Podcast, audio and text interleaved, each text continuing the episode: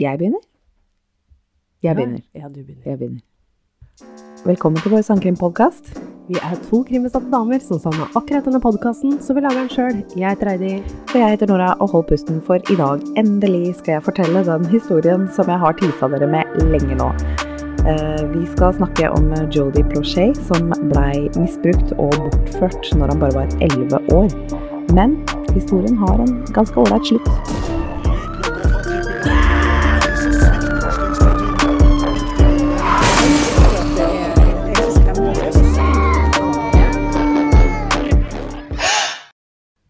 Hei, Heidi. Hei, Nora. Åssen går det? Eh, jo, bra. Med Ja. deg? Ja, jo, ja, bedre. Ja. Eh, på forhånd unnskyld til de som har sånn derre eh, hat mot å høre sånn. For det, det kan hende at det kommer til å bli litt av det. Ja. Ja, fordi jeg er fortsatt forkjøla. ja. Jeg hører du har litt sånn hes, litt sånn sexy voice. En ganske deilig stemme. Ja. Velkommen til Drammen pelse og porno. Å, det er så bra. Ja, ja. Å, fantastisk. Ja ja, nei men eh, så lenge det er grei å høre på. Ja. ja. Nei, det var, eh, det, nå har jeg da hatt korona, det er jo grunnen til at vi har hatt en ukes opphold. Takk for tålmodigheten, folkens. Og takk for at alle har ønska meg god bedring. ja. Og så har vi også fått en del meldinger med folk som har savna oss. Det er så hyggelig. Det er veldig hyggelig. Veldig.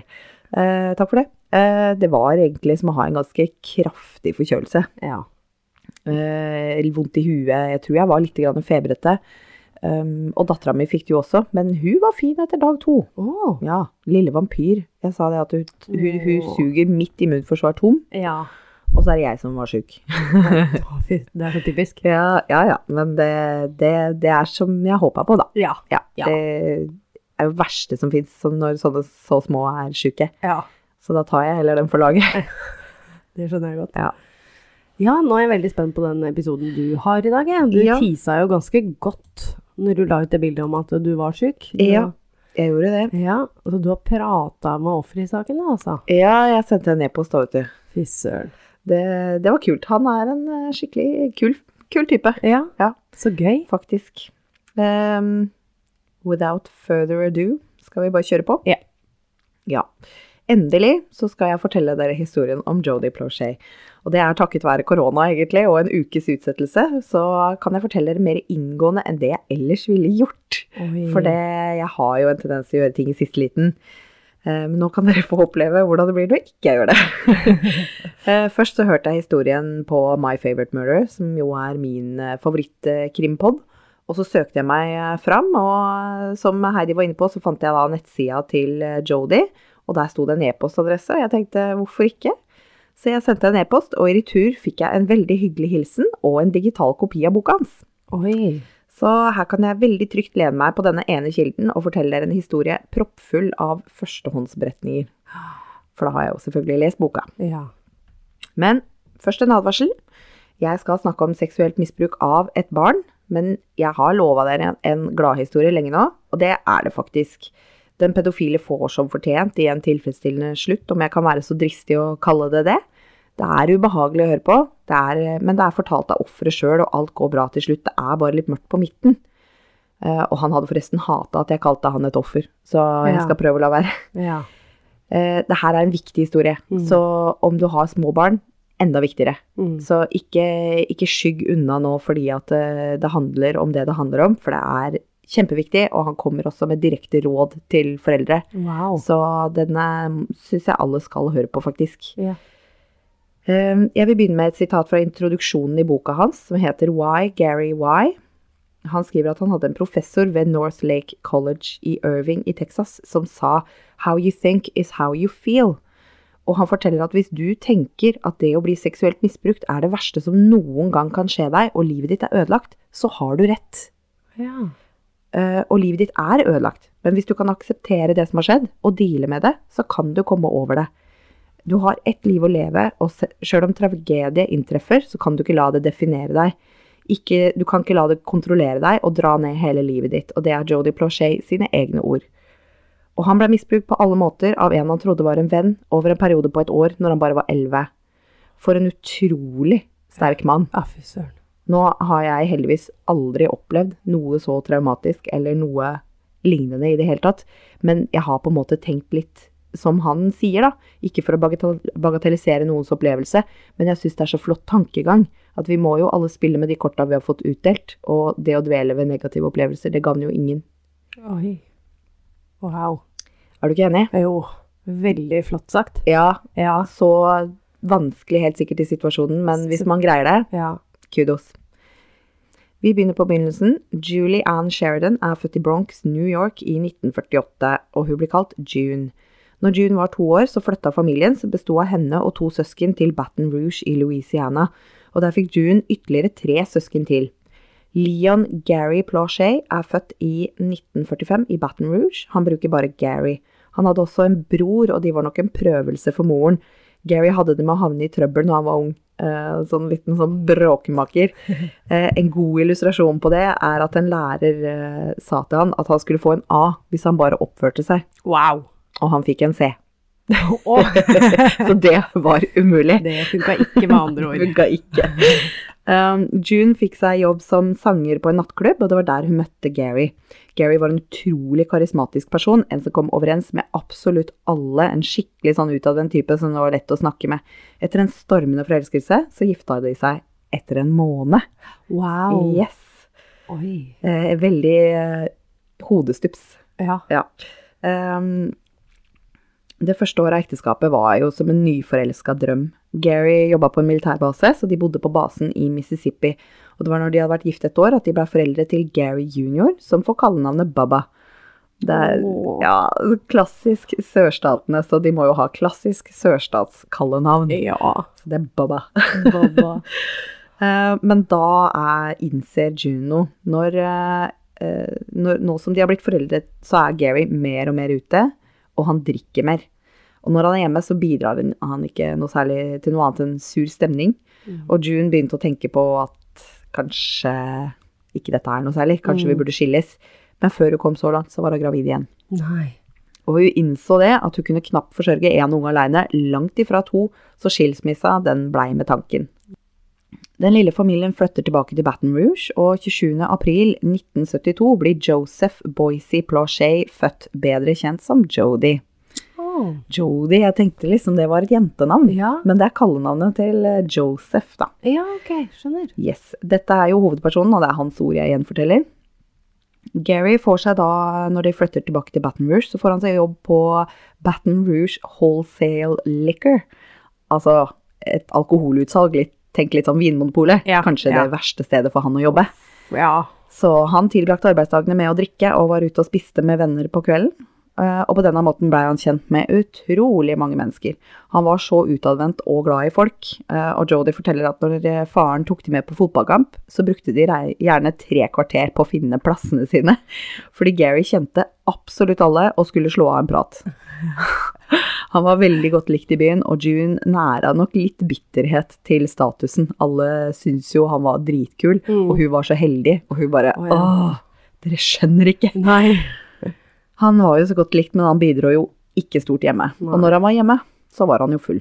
Ja. Men eh, June blir gravid igjen, og paret får sin tredje sønn.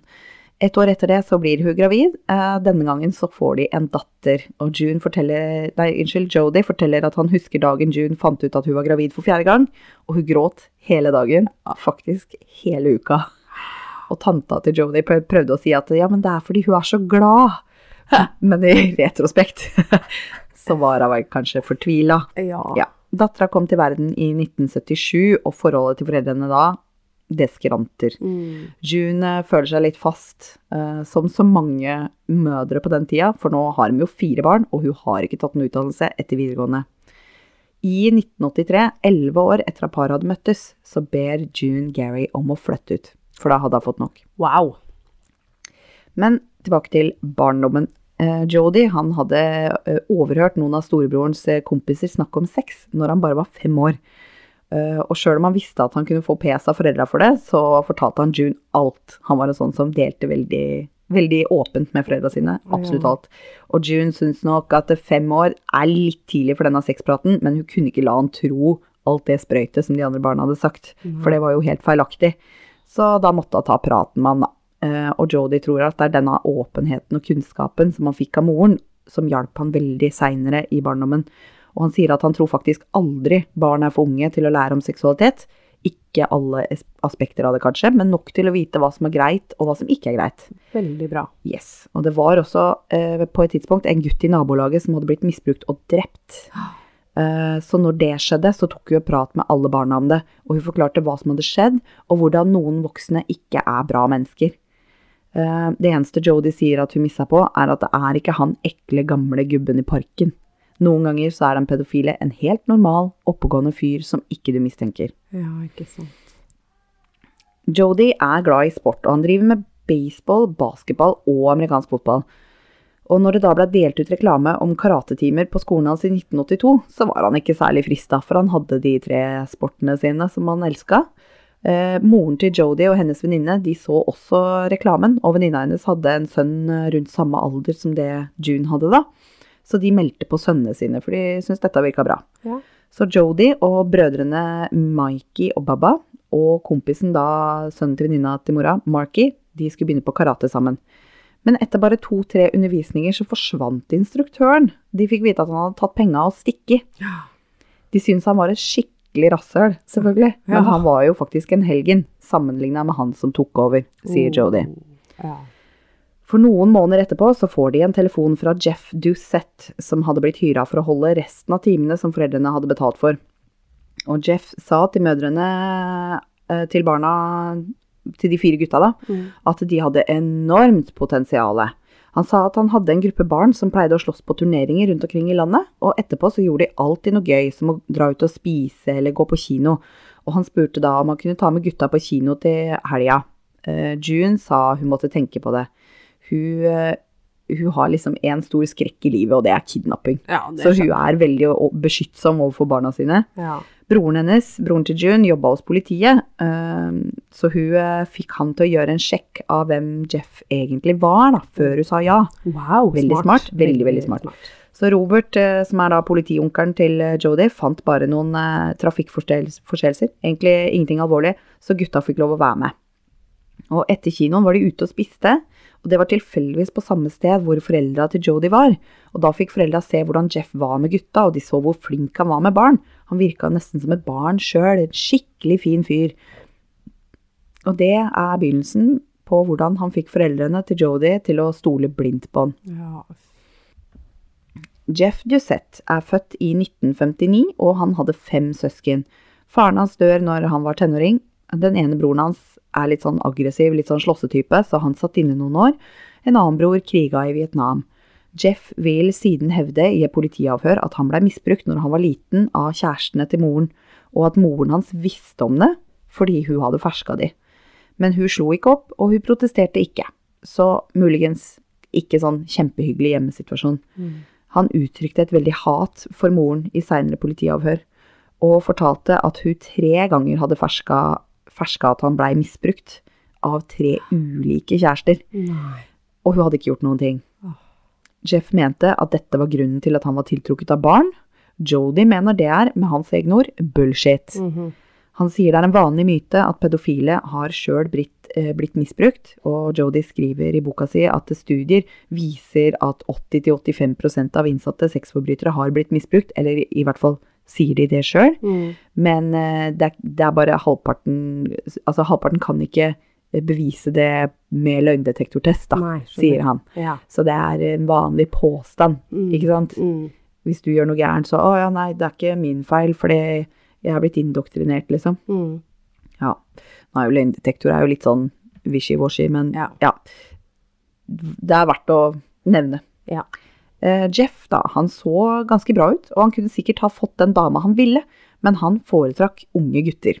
Han var en perfekt svindler. Han var smart, og han var veldig overbevisende. Han var bare ikke ærlig. Og hadde han vært ærlig og ikke en pedo, så kunne han jo ha blitt noe, for han hadde noen gode ideer. Han selger krus og bandanaer med det lokale fotballagets logo på, og han hyrer en produsent til å lage de, og selger de videre til lokale, mm, til lokale butikker. Men eh, etter hvert da, så er det jo mer fristende å ta imot betaling og bare beholde penga, og ikke legge inn den bestillinga på de varene de ville ha. Og på denne måten så ender han opp med å skylde masse folk penger, og flere av kundene hans kansellerte sjekkene de hadde sendt han, men han bare forfalsker nye. og lager et såre kaos med falske sjekker. Og i 1984 så følte Jeff at han ikke hadde noe annet valg enn å forlate byen for å komme seg unna gjelda si og alle som ville ha en bit av han. Men vi går tilbake til karatetimene.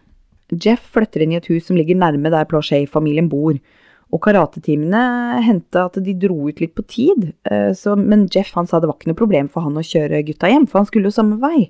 Mm. Og når han leverte barna, så pleide han å slå av en prat med June og Gary, og etter hvert når han kjørte barna hjem, så lot han de få kjøre bilen, eller de satt på fanget og fikk styre, mens Jeff styrte gass og gir og brems. Mm. Fy faen, 80-tallet, ass. Tenk om du hadde observert liksom, en unge som styrte bilen i dag, liksom. Ja. Det hadde jo ikke vært greit. Det var Nei. sikkert ikke greit da heller. Men ja. Jeg føler det er litt sånn typisk 80-tallet. Det er det. Eh, innimellom, eh, når de eh, gjør det her, så hviler eh, Jeff eh, henda i fanget til Jodie. Og innimellom, når de gjør det her, så streifer han borti penisen hans.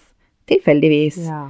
Og Jodie tenkte ja, Han hadde jo snakka med mora si om dette, ikke sant? Mm. Så, men, men hun var jo veldig beskyttende, og hun ville jo blitt hysterisk, Mm. ikke sant? Mm. Så han tenkte det er ikke noe big deal, han må jo bare ha henda et sted. Det er jo ikke som om han tar på meg eller noe, det er bare litt ubehagelig, men det er ikke noe å bekymre seg for. Og i retrospekt så sier Jodie at hvis du skal få et barn til å holde kjeft, så la dem få gjøre noe de ikke får lov til. For da vil de ikke fortelle det.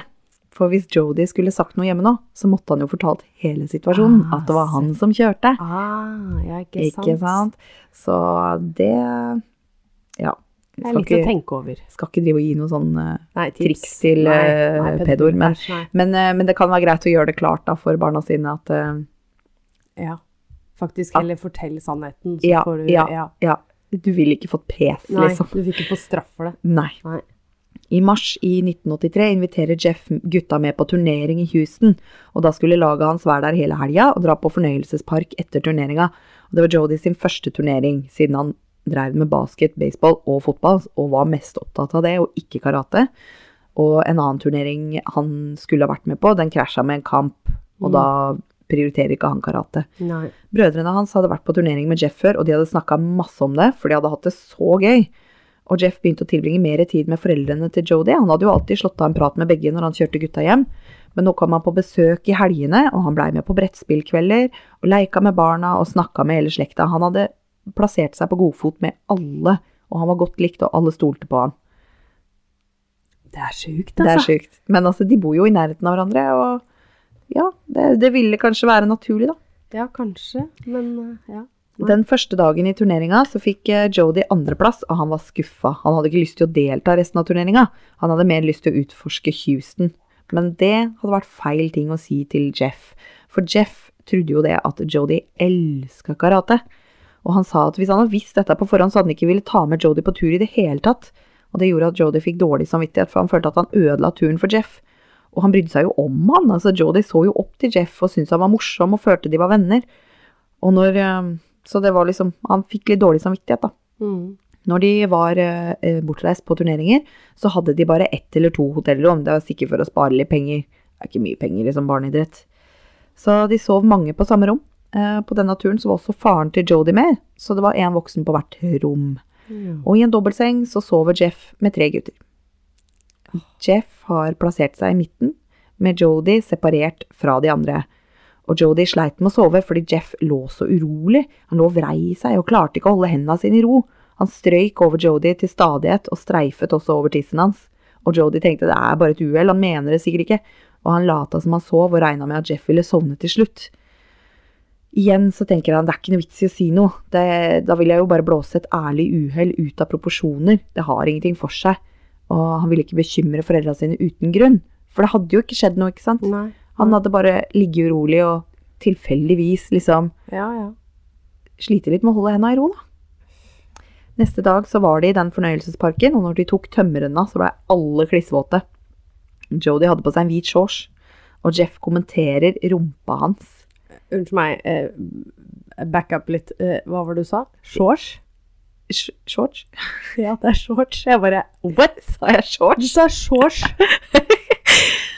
Ja. Unnskyld, det var bare en fun fact. Jeg syns det var morsomt. Ja, det var gøy. Ja. Men eh, det at eh, han hadde på seg en hvit shorts, Ja. og Jeff kommenterte rumpa hans, det er ikke så gøy. Det Nei. Fy faen så upassende. Æsj. Igjen så tenker jo Jodie at han bare erter, og han vil ikke si noe til mora, for det, de hadde jo snakka om det her, og han ville ikke at hun skulle tro noe sånt noe om Jeff. For han var sikker på at det liksom Jeg må bare erte litt. Ja.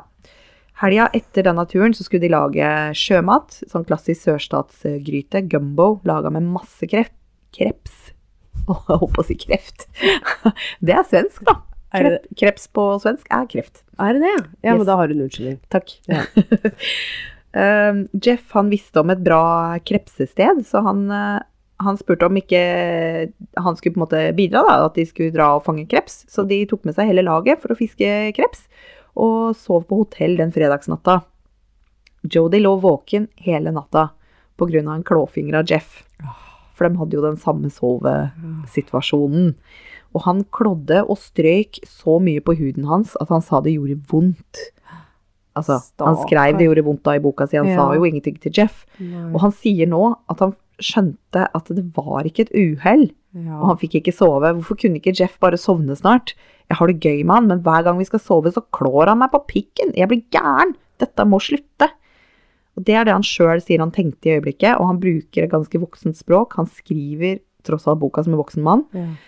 Så han skriver, han skriver pikken, han skriver dekk, og seinere skriver han også fuck. Og jeg bruker samme ordlyd sjøl om det er fælt å snakke om. Det er, det er hans historie vi gjenforteller. Det er de orda han bruker. Ja. Når de skulle tilberede krepsen seinere den helga, tilbyr Jeff seg å dra på butikken og ta med seg Jodie. Og tar de aleine i bilen. Og Jeff spurte han, og det er den eneste gangen de har snakka om det, om han forteller foreldrene sine hva de gjør. Og Jodie svarer gjør hva da? Og Jeff svarte ikke og lot det ligge, men i retrospekt så var dette testen, Mm. og Jodie hadde bestått. Og Jeff skulle gå enda lenger fra nå av. Når Jeff kommer på besøk til familien og Jodie tok et bad, så pleide Jeff å smyge seg inn på badet og runke han i badekaret. Og dette skjedde ved flere anledninger. Neste gang de er på Altså, det, jeg bare tenk hvor, hvor godt du har kommet inn i en familie, da. Ja. Når du kan gå inn på badet når guttungen tar bad. Ja. Og det er helt greit, liksom. ja, ikke sant? Det er veldig lett for oss på utsida å, å se det røde flagget, Ja, ja, ja. men ikke når, når noen Nei. sakte, men sikkert vinner tilliten din. Nei, nei, jeg- altså ja, jeg Ja.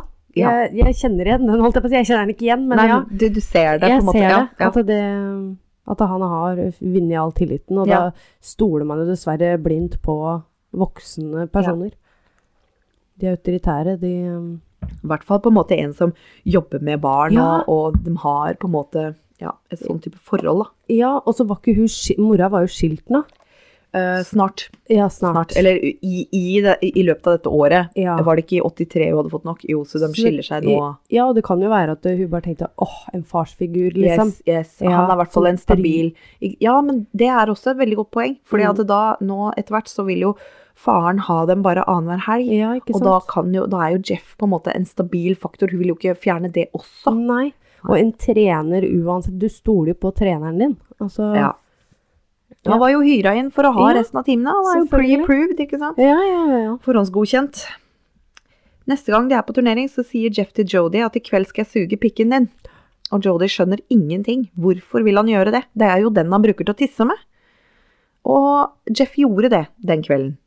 Og Jodie skjønte nå hvorfor han ville gjøre det, for det føltes jo fantastisk. Og nå ber han om at ikke du misforstår. Fordi sjøl om man blir utsatt for et overgrep, så reagerer kroppen på måter du ikke kan kontrollere. Og Jodie understreker dette flere ganger, for det er veldig mange ofre for misbruk som sitter med skyldfølelse, eller en følelse av at de er skitne eller ødelagte eller forderva på en måte, fordi man kan ha fått noe slags fysisk nytelse. Men du kan oppleve at kroppen reagerer, mens samtidig som hodet tenker stopp. Mm. Etter den første avsugningen, da, så sugde Jeff Jodie nesten hver dag den neste måneden. Og da annonserte Jeff en dag at nå skal jeg knulle deg. Og Jodie forsto hva, hva det betydde, og han tenkte faen. Fordi han hadde snakka med mora si om sex, og han visste at nå står det om ræva mi. Ja. Etter dette så sugde Jeff han daglig og avslutta med å voldta han. Dette vil pågå i over et år. Jodie slutter på all annen sport og konsentrerer seg om karate, fordi Jeff sa det. Og Jodie tar all aggresjon utover motstanderen i turneringene, og han blir skikkelig god. På en turnering i Houston kommer fetteren og onkelen til Jodie for å se på, og når Jeff sier ha det til Jodie, så kysser han ham på munnen. Og onkelen ser dette og sier ifra til foreldrene. Og foreldrene svarer nei da, det er ikke noe å bekymre seg for, du må bare kjenne Jeff, han er en skikkelig bra fyr. Og da skjønner dere kanskje hvordan Jeff har greid å innynde seg på hele familien når ingenting lenger er et rødt flagg. Men onkelen som så det fra utsida, han så det flagget. Åh, så bra. Noen ganger så kan du ikke se svaret når du står oppi det, og du trenger et sett nye øyer for å se det. Som når du ikke finner svaret, når ikke du finner ordet i Wordfeud, og du spør en venn om hjelp, og de ser det med én gang. Mm. Så det er også lurt å være litt obs på hva andre observerer i forhold til barna dine. Veldig. Fordi du er kanskje inhabil. Ja, ja, ja. For de aller fleste så var Jeff en fantastisk fyr. Han var kjempeengasjert i barna han underviste i karate. Jeg lurer på hvorfor. ja. Og en skikkelig ildsjel i lokalsamfunnet. Alle fra foreldrene til viseguvernøren syntes han var så bra med unger. Og det ble skrevet artikler om engasjementet hans, og hvor flink han var til å involvere barn i idrett. De lokale nyhetene gjorde til og med en sak om det. Herregud. Ja. Overgrepene begynte i 1983, og i begynnelsen av 84 så sier Jeff at han er så lei Baton Rouge og han har lyst til å reise vekk. Han hadde bodd en kort tid i California tidligere, og han snakker mye om det.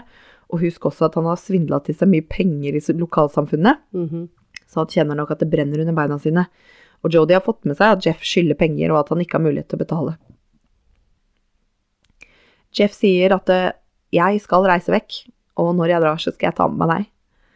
19. februar i 1984 så kommer Jeff hjem til familien Plauchet og spør om å få låne bilen, for han har lånt bort sin egen, og han skal hjelpe en kompis med et teppegulv. Og han spør om Jodie får bli med, og det, det er sånn han alltid gjør. Ja. Jodie, bli med, da. Ja, og så blir han med. Mm. Det er ikke noe spørsmål engang. Nei. Eh, I virkeligheten så har ikke Jeff engang et sted å bo lenger. Han har sovet i uteboden hjemme hos familien, hvor Jodie har gitt han et pledd. Og moren trodde kanskje det var et problem med bosituasjonen hans, fordi hun fant et pledd i boden, men det var ikke noe hun hadde tatt opp. Når Jodie setter seg i bilen, så sier Jeff at nå skal vi til California, og veien gikk via familien til Jeff i Texas, fordi han trengte å spørre om penger, før de drar videre, da. Moren til, moren til Jodie på sin side var fra seg av panikk hjemme. Hun kjente jo Jeff godt, og hun hadde møtt familien hans, så hun ringte dem for nummeret i, til Texas og spurte om han var der, og moren til Jeff sa at ja, det er han. Uh, Jeff hadde fortalt mora si at det, han skulle kjøre Jodie hjem igjen, men i stedet så dumpa han bilen og kjøpte to bussbilletter til California. Når de kom, kom fram til LA, så hadde de veldig lite penger og ikke noe sted å bo. De vandra rundt litt. De så en filminnspilling i gata, og det var kjempegøy. Og egentlig så bare gikk de rundt og kikka. Han fortalte også han, eh, han eh, Når de kom til bussholdeplassen, så var det like ved Skid Row, som du snakka om i Hotell Cecil-episoden. Ja. Og eh, han syntes så synd på de menneskene. ja. Og han tenkte det at eh, Vet du hva? Jeg har faktisk tak over huet, og jeg har foreldre som er glad i meg. Og ja, jeg blir knulla i rassen innimellom, men de der, de har det kjipt. Tenk å tenke det, da. Tenk å tenke, Ah, Ja. Um, de um, Jeff var eh, stressa, og han kjente ingen i California som han kunne lure for penger. Så med de siste pengene han hadde, så kjøpte han et karateblad i håp om å se navnet på noen han kjente, og det gjorde han. Så han fant nummeret til en bekjent i karatemiljøet og ringte han. Og han fortalte at han var i LA med laget sitt, og at bilen hadde brutt sammen, og spurte om han kunne hjelpe han og sende han 600 dollar, og det gjorde han. Og de sov første natta på et Hilton-hotell, kanskje ikke det lureste når du har begrensa med penger, men etter det så bodde de på et motell. Eh, Jeff så etter en jobb og et mer permanent bosted. I løpet av reisen så hadde Jeff også tatt eh, skjegget og farga det blonde håret til Jodie svart, så de poserte som far og sønn. De dro ut mot Anaheim, hvor eh, Disneyland er, og Jeff han hadde ikke vært i humør, for å si det sånn, mesteparten av turen, sikkert pga. stress. mm. Men denne natta var han veldig gira, og han holdt Jodie våken hele natta med voldtekt. Jodie husker han var ordentlig irritert, fordi de skulle i Disneyland dagen etter, og han Mm. ville være uthvilt. Ja. Stakkars unge. Stakkars. Denne natta så ba Jeff også Jodie om at han skulle ta han i rumpa. Men det gikk ikke. Altså, Jodi klarte ikke. Han var overhodet ikke tent av den hårete rumpa, som han sier sjøl. Etter hvert som pengene tar eh, slutt, så lufter også Jeff ideen om at Jodie skal hjelpe han å tjene litt ekstra penger. Han ville rett og slett pimpe han ut Nei. til de som var villige til å betale. Nei. Nei. Jody nekta Ja. tvert. Og, og, og det var på en måte Han har jo på en måte ikke sagt nei til Nei. Jeff noen gang. Nei. For det, Ja, men han er et barn, da. ja, det har på en måte bare blitt sånn Ja. at eh, Jeff, misbrukeren, han, han, han nekter ikke. Nei. For det, han er hjernevaska på alle måter. Ja. Men, men nå nekta han tvert. Og han Ja. sier at Jeff respekterte det han sa der og da, men han tror det hadde vært uunngåelig om pengene hadde tatt slutt. Ja. Men senk skuldra, det skjedde ikke. Okay, takk Etter at eh, Jeff og Jodi da dro fra Texas, så kom June dit, og, og Robert, altså mora og politionkelen, Mm. og søstera til Jeff forteller da hjelpsomt mora om at Jeff hadde tidligere vært anklagd for å misbruke barn. Så det var jo god timing for å få den informasjonen der. Åh, fy faen. Kunne du ikke sagt det litt før? Ja. Ja, takk for det.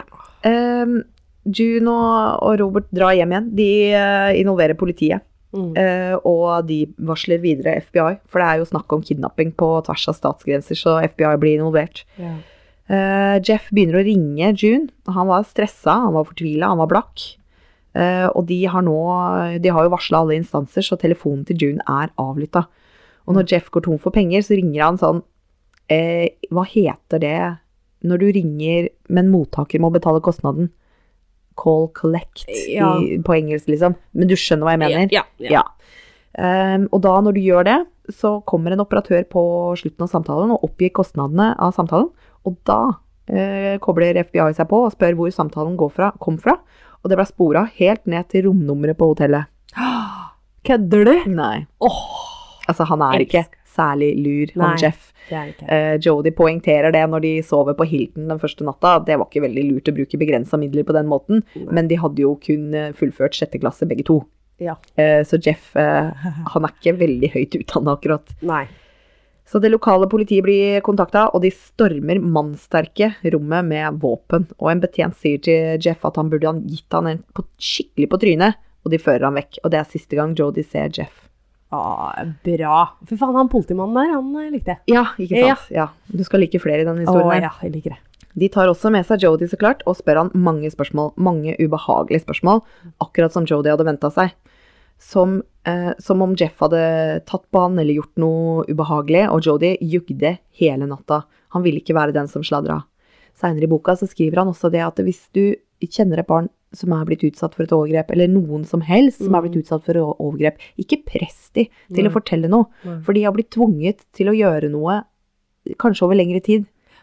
Og de, de må på en måte få sin egen autonomi. De må føle at de kan sjøl velge. Ja. Så du må på en måte bare la det komme organisk. Og det var det moren gjorde med Jodie etter hvert. ja. Eh, Sånn at det, han blei ikke pressa til å fortelle noe der. Nei. Men han jugde hele natta. Han ville ikke være den som sladra. Han trodde nok at eh, Jeff ville komme ut av fengselet igjen og komme etter han hvis han sa noe. Mm. Eh, Men de tok også undersøkelser av Jodie, selvfølgelig, blant annet en voldtektstest. Etter dette så tilbrakte Jodie et døgn på et slags fosterhjem eller barnehjem, eh, hvor det var flere barn. Hun ene som jobba der, spurte hva, som, hva er det som er gærent, det ser ut som du har mista bestevennen din. Og det var akkurat det Jodie følte. Han var jo fullstendig hjernevaska, og han følte han hadde mista bestevennen sin. Han likte jo Jeff, han bare likte ikke det han gjorde. Og neste natt så blir Jodie satt på et fly hjem. Når han ankommer New Orleans-flyplassen, så venter mora hans på han, og hun så han ikke. Fordi han gikk, eh, kom gående bak en gruppe asiatiske turister, og Ja. han hadde jo plutselig svart hår. Så hun så han ikke med en gang. Media hadde også fått tak i historien, og det var journalister der og et kamerateam. Etter hvert så kom jo prøven de tok av Jodi tilbake positivt. Han hadde sperm i analen. Og han eh, hadde også blitt forhørt av eh, FBI og lokalt politi, og hele tida nekta. Men endelig så kunne han fortelle sannheten, og det var som en vekt ble løfta av skuldra hans. Han ville jo ikke sladre på Jeff, men nå var det ikke han som hadde sladra, det var sjukehuset. Og han fortalte absolutt alt. Og moren, da, som jeg nevnte litt, Mm. hun takla det kjempefint. Ikke med sinne, ikke med tårer, og ikke ved å bli fra seg foran Jodie. Og når de to snakker sammen hjemme, og han hadde fortalt henne det, så sa hun bare ok, da kan du gå ut og leike. og han tror det var en veldig bra måte å takle det på, for det forsterker følelsen av normalitet og det at livet faktisk kan gå videre. Oi. Og tenk det så jævlig chill det må være for å holde deg rolig der, og, og ikke Å, jeg, å, jeg, jeg, å, jeg tror jeg hadde blitt hysterisk. Kødder du, eller? Men eh, det er, lønner seg å ta det litt kulig. Mm. Barn vil ikke helt forstå konsekvensen av noe sånt når de er oppi det, og de veit ikke alltid hvordan de skal reagere. Og det å da bli møtt av en hysterisk forelder gjør at de kan bli hysteriske sjøl. Og morens ro gjorde at Jodie følte dette var noe han kunne komme over. Ja. Når han eh, hadde fortalt alt til mora si, så ba han om at ikke hun delte alt med faren. Fordi, nemlig, etter at eh, den gutten i nabolaget hadde blitt misbrukt og drept, så hadde faren sagt at hvis noen noen gang gjør det med hans barn, så skulle han drepe de. Og det, og det, men altså, det kan vi jo tenke alle sammen. Mm, ja. Fy faen, hvis noen hadde gjort Ja. det med dattera mi. Jeg Ja, hadde jo ja, vært klar til å drepe, men ikke si det foran barna dine. For det kan gjøre at de ikke vil dele med deg hvis noe skulle skje. Det er jo, de vil jo ikke være ansvarlig for at noen dør, og ofte så er det jo noen i den nærmeste kretsen som er misbrukeren, og det gjør det enda vanskeligere å si fra. ja. Jeg trodde du sa, mente omvendt det nå. At eh, faren skulle drepe sitt barn. Å nei, nei, nei, gud, nei, nei, nei, nei. Ja, Ja, men da er Ja, jeg med. ja, du vil jo drepe misbrukeren, ikke sant? Lett. Ja, men, men ikke si det foran barna dine. Eh, nei. For det å drepe Jeff, det var akkurat det faren skulle gjøre. Ja. Når Jeff ble frakta hjem fra LA til Baton Rouge, så hadde ikke June fortalt Gary når det skulle skje. Mike Barnett er en av offiserene som frakter Jeff hjem, og han veit at Gary vil drepe han. Han og June hadde jo snakka om det, at eh, Gary er på morderfot. ja. Men Mike sa slapp av, jeg har passa på fanger mye lenger enn Gary har vært en morder. Han tok det nok ikke helt seriøst. Det er en by hvor alle kjenner alle, og Mike kjenner Gary, og det kan være vanskelig å ta det på alvor. Bud Connor var også med, en politimann. I bilen på vei til eh, flyplassen i LA så hadde Jeff spurt Bud om han var katolsk, eh, og Bud svarte ja. Og Jeff spurte så om han fikk bekjenne sine synder for han. Og, Jeff, uh, unnskyld, og Bud påpekte jo at han var jo ikke akkurat noen prest, men jeg kan jo lytte. Så Jeff letta på trykket og fortalte alt. Alt jeg har nevnt tidligere om barndommen hans og kjærestene til moren og overgrepene, og det han hadde gjort mot Jodi. Men han fortalte jo ikke hele sannheten, da. Nei. Det blir jo for mye å forvente. Mhm. Han sa han hadde misbrukt Jodi ved ca. ti anledninger i løpet av det siste året, og det var hovedsakelig det at han hadde sugd Jodi. Og han sa også at de hadde noe spesielt, at Jodi hadde insistert på det, at, og at de elska hverandre. Å, fy faen. Det er vel usannsynlig, da, at en tiåring, eller elleve var han vel nå, eh, som ikke engang har begynt å utforske sin egen seksualitet, og som dessuten er tiltrukket av jenter, skulle be en voksen mann på 25 om å ta han bak. Men det er det Jeff sier. Saklig. Um, Gary visste at Jeff skulle komme hjem denne dagen, og han syntes det var veldig vanskelig. Han tilbrakte dagen på Cotton, Club, og det virker å være bar eller et utested. Han satt der sammen med en som jobba for den lokale TV-stasjonen, og de snakka naturligvis om saken. Eh, Bob ved TV-stasjonen spurte om han visste når Jeff kom hjem, og Gary svarte han trodde at han egentlig allerede, allerede var kommet. Men Bob sa nei, men det tror jeg ikke, la meg sjekke. Og så ringer han TV-stasjonen og forteller Gary at Jeff skulle lande klokka halv ti den kvelden. Gary var veldig opprørt over hele greia, selvfølgelig, og han ringer June for å få flere detaljer om overgrepene, for han har ikke egentlig visst alt sammen. Å nei, ikke sant? Og det er de detaljene som Jodie hadde sagt til moren ikke fortelle til pappa. Mm.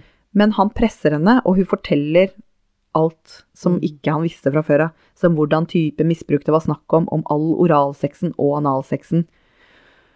Gary ringte foreldra sine, besteforeldra til barna, og ba de om å hente dem på skolen, for det var jo hans helg til å ha de. Ah. Og Gary ringte også til en venn, Jim, som bare brukte kallenavnet Stinky.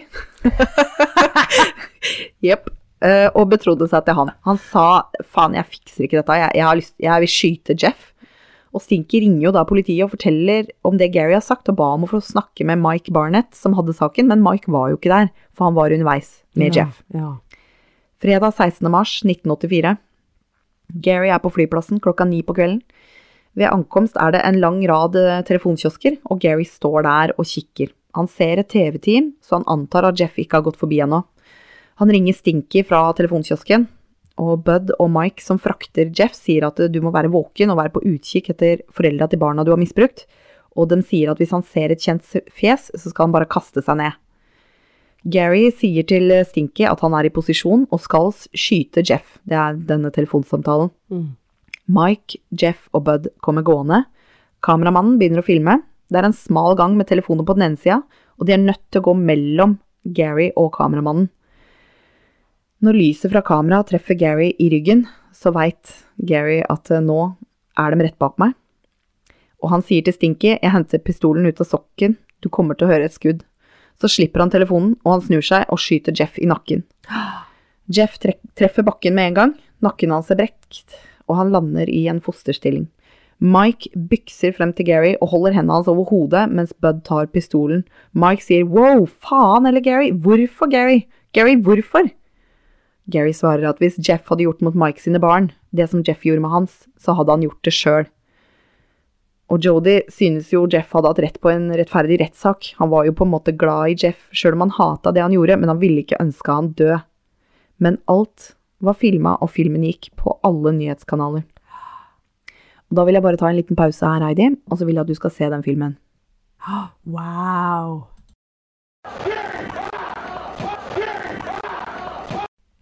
Hva syns du om den, Heidi? Er det lov å si awesome? ja, det er det. Det er det. Jeg, jeg, altså, det eneste som var kjipt, var at uh, han derre jævla drittsekken Ja. At uh, han ikke kunne se at det var faren som skjøt den. Det skulle han sett. Eh, Det skulle han Det hadde vært deilig. For han så går han bare, og så er han down. Det ene øyeblikket, liksom. Ja. Det er litt kjedelig. Han, bort han blei faktisk frakta til sjukehus og døde seinere, okay. men eh, han En- døde. Ja. Mm. Mm, enda bedre. Han, jeg tror det var siste gang han var bevisst. Så Ja. ja, Ja, det vil sant. være som du sa. Ja. Åh, men herregud. Ja, jeg syns det var litt kult. Skal jeg eh, legge ut den videoen? Eh, Skal vi linke den? Ja, det syns jeg. Ja. Folk må jo være, som sagt, over 18 år for å se, eller Ja. de må ha en Google-konto. ja, det er en, er, jeg tror det er en aldersgrense Ja. på den videoen, og så må du bekrefte at du syns det er greit å se på. Det er Ja. ikke, den er ikke grafisk. Den Nei, er, det, det, Ikke er, hele tatt. Det var ikke noe blod. det er jo filma i 84, den er litt, til og med litt kornete. Ja. Men, eh, men du ser eh, alt det jeg fortalte om. Veldig, det syns jeg. Mm, da skal jeg gjøre det. Ja. Eh, Gary han tilbrakte helga i fengsel og betalte kausjon for å komme ut på mandagen. Og etter dette så ble han innlagt på et sykehus for en psykologisk vurdering. Jodie skriver at de besøkte han der, og for første gang på lenge så virka faren veldig bra. Han drakk ikke, han hadde tatt skjegget, og han, det virka som han både så og følte seg bra.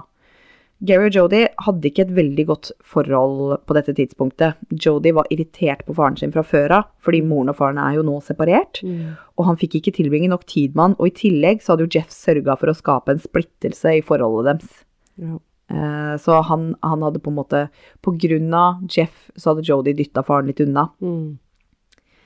Nå hadde jo faren da drept eh, Jeff, for han døde jo seinere på sjukehus, og Jeff var jo kompisen til Jodie. Jody. Han var fortsatt så hjernevaska at han tenkte på Jeff som en venn. Men eh, etter at eh, faren kom ut fra dette sjukehuset, så flytta han hjem igjen. Og han hadde slutta å drikke, og han tok tak i oppussing hjemme, og alt var fint mellom moren og faren. Og forholdet til Jody og faren ble også bedre etter at mora tok en prat med Jody. Og den sommeren så sa Jody til faren at han klandra han ikke, og han forsto hvorfor han gjorde det. Wow. Så på drapstidspunktet så har Gary vært separert fra mora si i ni måneder Nei, fra mora si. Herregud. Gary og kona Ja. var, hadde vært separert da i ni måneder, Mhm. og han hadde akkurat funnet ut hva som skjedde med Jodie, Så han var jo naturlig opprørt. ja. Gary var tiltalt for drap, og hans stilling var Nå kommer vi til det jeg spurte deg om på melding. No contest. Mm. Og hva betyr det oversatt, Heidi? Ikke skyldig? I, Nei, han det sier jo ikke det heller. Han sier jo ikke Jeg fant ikke ut av det, men folkens, dere skjønner jo hva det betyr. Han sier seg ikke skyldig, han sier seg ikke uskyldig. Han erkjenner at bevisene er der Ja. for å dømme han, ja. men han sier no contest. ja, ikke sant. Ja. Og i november 1985 så kommer straffeutmålinga, og Gary, eh, dommeren sier da du får sju år, og med en gang så sier dommeren at han gjør om dette til 300 timers samfunnstjeneste og fem års probation, altså som en prøveløslatelse. Det vil si, han fikk ikke fengsel i det hele tatt. Elsker det. Elsker det. Jeg tror dommeren der skjønte prinsippet. Ja, Jodie skrev at det, det spørs om ikke kanskje den dommeren hadde barn sjøl Eh. og, og skjønte greia. Mest sannsynligvis. Ja. ja.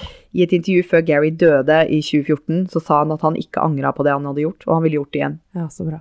Og på Jody sin YouTube-kanal så har han tusenvis av kommentarer av typen 'Faren din er en helt'. Ja, jeg er helt enig.